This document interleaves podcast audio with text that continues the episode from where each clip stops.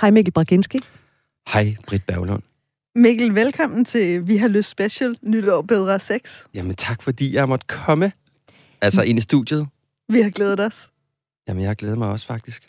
Mikkel er manden bag den populære podcast Hankøn og forfatter til bogen, der har samme titel. Det er en bog om, hvordan manden genfinder sin identitet og bliver opmærksom på, at han rent faktisk har større potentiale, end han måske tror.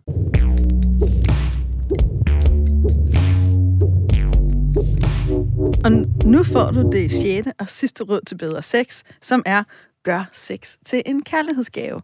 Så hvis du nogensinde har sunget med på sangen, åh, jeg får for lidt, eller det er ikke det, jeg vil have, eller jeg får for meget, eller uh, uh, uh, så er det i dag, at vi opfordrer dig til at droppe den her klagesang, og i stedet for at blive klogere på at gå på opdagelse i, hvad din partner egentlig ønsker sig i det intime og seksuelle.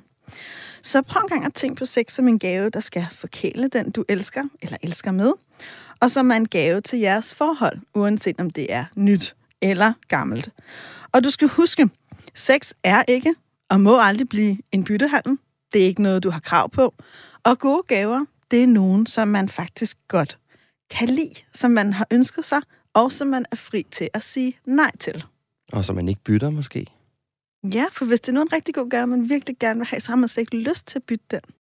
Ja, altså en gave, hvor der er nogen, der har gjort sig umage, kunne man sige. Præcis. Ja. Det er lige præcis det, det handler om i dag. Mikkel, hvis du hører nogen mænd, kvinder, sige, jeg får aldrig noget, Mm. og her taler jeg om mennesker i parforhold, hvad er din umiddelbare reaktion? Jamen, umiddelbare reaktion er, at det højst synligt er fra en mand, vil jeg forestille mig, der siger det der. øh, jamen, så bliver jeg sådan lidt øh, irriteret, fordi øh, det er sådan lidt en... Øh, en lidt for meget for mig, en forenkling af, hvad der egentlig foregår i relationen. Altså, øh, det bliver tit noget med, som, som du også siger i starten, Daisy, at det bliver noget omkring en byttehandel. Altså, at jeg skal have noget for at give noget. Øh, og f- i min optik, så er det sådan tit, at manden øh, har en eller anden idé om, at han har ret til at få sex lige meget hvad. Altså selvom om, øh, om, om øh, der faktisk måske er knas andre steder, om der er nogle praktiske ting, der ikke fungerer. Altså alle de her ting, der nu kan være, måske ligger der nogle samtaler, man burde have haft, og så videre, som ikke er blevet taget. Og det, det gør jo, altså det sted kommer jo tit, at ens partner måske så ikke synes, at man er det mest frække i verden, fordi der er en masse andre ting, der ligesom står vidt åbent. Øhm, og så bliver det sådan lidt med at man siger, når man, øh, der kan jeg ligesom smide det der carte blanche, og så sige, jamen, jeg skal have et slag. Øh, og det, de to ting, i min optik, hænger ikke sammen. Altså, Nej, så er det som du siger, hvis det er stereotypt, at det så er mand, der siger, ja, for for lidt, så er det Mm. også måske lige så stereotypt at sige, at kvinden siger, men ved du hvad, når du ikke øh, kan se på mig, eller høre på mig, eller være, være sammen med mig om alle de her ting, der fylder for mig, når du glemmer at spørge, hvordan jeg har det, når det er, du glemmer at tjekke ind, så har jeg heller ikke lyst til dig. nej. Og så har vi den her fastlåste negative spiral, hvor det er, at vi trækker os mere og mere fra hinanden, og der er ikke nogen af os, der får den her sex og intimitet, vi faktisk begge to, uanset køn, har lyst til. Ja, altså jeg tror også, det der også, vi også engang har talt om før på et tidspunkt i det andet program, det var den her fysiske kontakt, altså hvor vigtigt det er, at, have, at- altså, at man ikke bare, altså det er jo ikke en flæskesteg, der skal i ovnen, altså der skal forberedes lidt, ikke? Altså man skal røre hinanden, man skal tale sammen og så videre. Altså det er også en ting, der gælder for mig. Altså jeg har jeg kan sgu ikke bare gå ind og så sige, Nå, men skal vi få det overstået? Altså, det er en del af, at vi har en, en, en connection sammen, en forbindelse, hvor vi kan mærke hinanden, hvor man måske sådan har gået og kigget lidt til hinanden i løbet af dagen og så videre. Altså, det er for mig noget, der også er vigtigt. Altså, det er, fordi for mig er det ikke en, det er ikke en, det er ikke en vare. Altså, det er noget, der hører til en del af den relation, jeg er i. Det er ligesom, ja, man kunne næsten bruge ordet, forløsning på, at man har noget sammen. Præcis. Og jeg vil også sige, med næsten alle de mænd, ikke alle, men med næsten alle de mænd, jeg har mødt i mine samtaler, som har sagt, øh, jeg får for lidt. Når det så er, det blevet foldet ud, det mange siger, og det er der, det bliver rørende, det er, jeg føler mig ikke elsket. Præcis. Jeg føler mig ikke villet. Jeg føler mig ikke begæret. Og det er jo også en måde at sige på, jeg føler ikke, jeg modtager din kærlighed som en gave. Mm. Jeg kan ikke mærke, du vil mig. Og så tror jeg også, man skal se det som, at det i, i mange tilfælde, så er det jo også på mangel af sprog for, hvad det er, der foregår i ens relation som mand. Altså det er jo sådan tit det, man ligesom har lært, at det er den måde, jeg kan tjekke ind på, om min relation virker eller ej. Hvor meget har jeg fået i løbet af ugen, ikke? Og man spørger, du ved, jamen, hvor meget får du en talt derhjemme? Jamen det er ikke særlig tit. Jamen så er det en, måske så en rigtig lorterelation, du så er i, finder man så ud af imellem mændene, ikke? Fordi det er åbenbart, der er en eller anden skala på, hvor meget det ligesom skal, skal, skal udmønte sig i kærligheden i, i valutaen sex, ikke? Og her er der så det rigtig spændende benspænd. Hvad nu, hvis vi dels dropper den der, du ved, hvad skal man egentlig, ikke? den der barriere, og så i stedet for begynder, i stedet for at tænke på, hvad man får, tænker, hvad vil jeg gerne give? Præcis. Eller hvad vil du gerne modtage? Ja. Så ændrer vi dynamikken, og det er så her, vi lidt kæphøjt hævder, at du faktisk, der lytter med, kan få noget bedre sex i år. Absolut. Fordi at du skal kende din partners lyst. Altså det er jo lidt, nu har vi lige været igennem julen, ikke? Det er lidt det der med, at vi kan jo godt lide at give andre den gave, vi selv synes er helt hvid fed. Måske uden tanke på, om modtageren også synes, det er en fed øh, gave. Ja. ja, tak for badminton-catcheren, men ja. ja, nu spiller jeg jo dart. Ja. Altså, hvor det er sådan et, ja, men du skulle prøve badminton, det er mega fedt. Ja. Så kend din partners lyst. Ja. Men Mikkel, så er vi jo nødt til at have den der åh, samtale. Ja, og den ved du, den er jeg jo vild med, de samtaler. Dem kan jeg jo godt lide. Altså, det er jo også en af de ting, der er så interessant i en relation. Ikke? Det er jo i virkeligheden noget, der er så intim som sex. Det er sådan en ting, vi ikke rigtig kan lide at tale om. Fordi, øh, tænk nu, hvis jeg havde nogle lyster, som du ikke kunne lide, eller hvad det nu kan være. Ikke? Altså, det er jo sårbart. Det er jo enormt sårbart, og det er jo igen en af mine kæpheste, at den her sårbarhed, som manden er en eller anden årsag, eller vi ved jo godt, hvorfor, det er jo en kulturel ting, det er en samfunds årsag til, at vi har så svært med vores egen sårbarhed.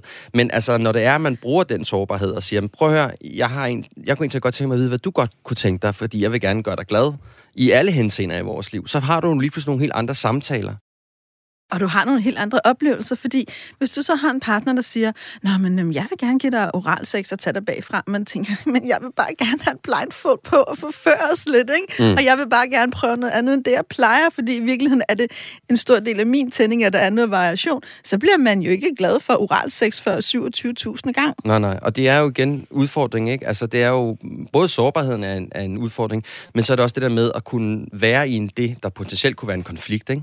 Altså, at få noget negativt aktivt at vide kan jo være ret provokerende, eller svært, eller angstfyldt for mange mænd, men også for kvinder, det ved jeg godt. Men det der med at få at vide, du har ikke gjort det godt nok, eller levere noget til sin partner, hvor det føles som, at det, der bliver sagt, er, du har ikke gjort det godt nok. Men i virkeligheden kunne man måske prøve at se det som en justering. Altså sige, prøv at høre, nu ved ikke, du sagde blindfolding, eller hvad nu man synes er interessant, sige sådan, jeg kunne egentlig godt tænke mig det her i stedet for. Øh, så du begynder at have nogle samtaler om det, og forstå, at kritik nogle gange er den eneste måde, at man kan justere noget i relationen. Ikke? Og det er en kæmpe gave. Jeg har selv tænkt meget over mit eget liv, og det var virkelig noget, der virkelig gjorde noget for mig, da jeg begyndte at tænke på min mands kritik, feedback, vrede, som en gave og en mulighed for mig for faktisk at blive et større og mere rummeligt menneske.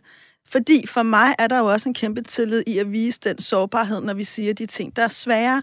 Så det at give vores sårbarhed, give vores vrede, give vores skamfulde lyster, er en kæmpe gave. Ja, og det, og det eneste resultat, man får, det er faktisk bare bedre sex, ikke? 100 procent. Ja. Hvad kan man så gøre for at give sit parforhold noget kærlighed? Hvis det nu skal være helt lavpraktisk, så vil jeg sige, jeg synes, det er vigtigt, at man prioriterer noget tid sammen, og også gerne noget god tid, hvor man rent faktisk er vågen og har lidt overskud. Så helt lavpraktisk kan du beslutte dig for at bruge 20 minutter sammen hver dag, hvor I lægger skærmene, hvor I lægger alt muligt andet, hvor I tømmer hovedet, hvor I trækker vejret, kigger på hinanden og bare er. Og der behøver ikke at ske en skid andet. Det er ikke, fordi det skal blive en eller anden to-do-liste. Jeg synes, det er vigtigt at få kysset, eventuelt også bruge tungen lidt, have nogle berøringer, have noget kærtegn, have noget fysisk kontakt, som ikke er sex, men som giver den der følelse af, ah, der var du. Hej. Ja, og man er forbundet, ikke? Og, man er forbundet. og have den aftale, at det er faktisk okay undervejs, og så sige, nej, jeg har ikke lyst til mere. Mm. Altså, det kan godt være, at du øh, serverer otte retter for mig. Jeg stopper ved ret nummer fem. Det er essentielt, også fordi, hvis jeg skal have stoppet hele middagen ned i halsen, så er det jo ikke en gave, så er det jo en tvang. Og det er jo faktisk, altså forudsætning for en gave er jo, at den er fri til at åbne eller lade være. Mm. Så vi skal have den der kommunikation, vi skal tale sammen om, hvad har du lyst til, hvad har jeg lyst til, og så skal vi gøre os umage, Mikkel, for at give den anden det, som vedkommende virkelig godt kunne tænke sig. Ja, og så forstå, altså det er jo næsten mit, øh, det vigtigste, jeg kan sige, det er forstå, at nogle gange, når man får noget kritik, så er det ikke nødvendigvis, fordi man ikke kan lide den anden, eller man synes, den anden er nar. Det er ikke det, en bebrejdelse. Det er ikke en bebrejdelse, det handler om, at man ønsker at justere noget, og i justeringen, der ligger et bedre forhold. Og når vi gør os umage for også at kunne justere vores relation og fortælle, hvad vi mener og være ærlige, så giver vi faktisk hinanden en kærlighedsgave. Så husk, Gør sex til en kærlighedsgave. Det var det sjette. Og sidste råd til bedre sex i det nye år. Er du gået glip af de første fem, så skulle du tage og hente dem i din podcast-app. God fornøjelse.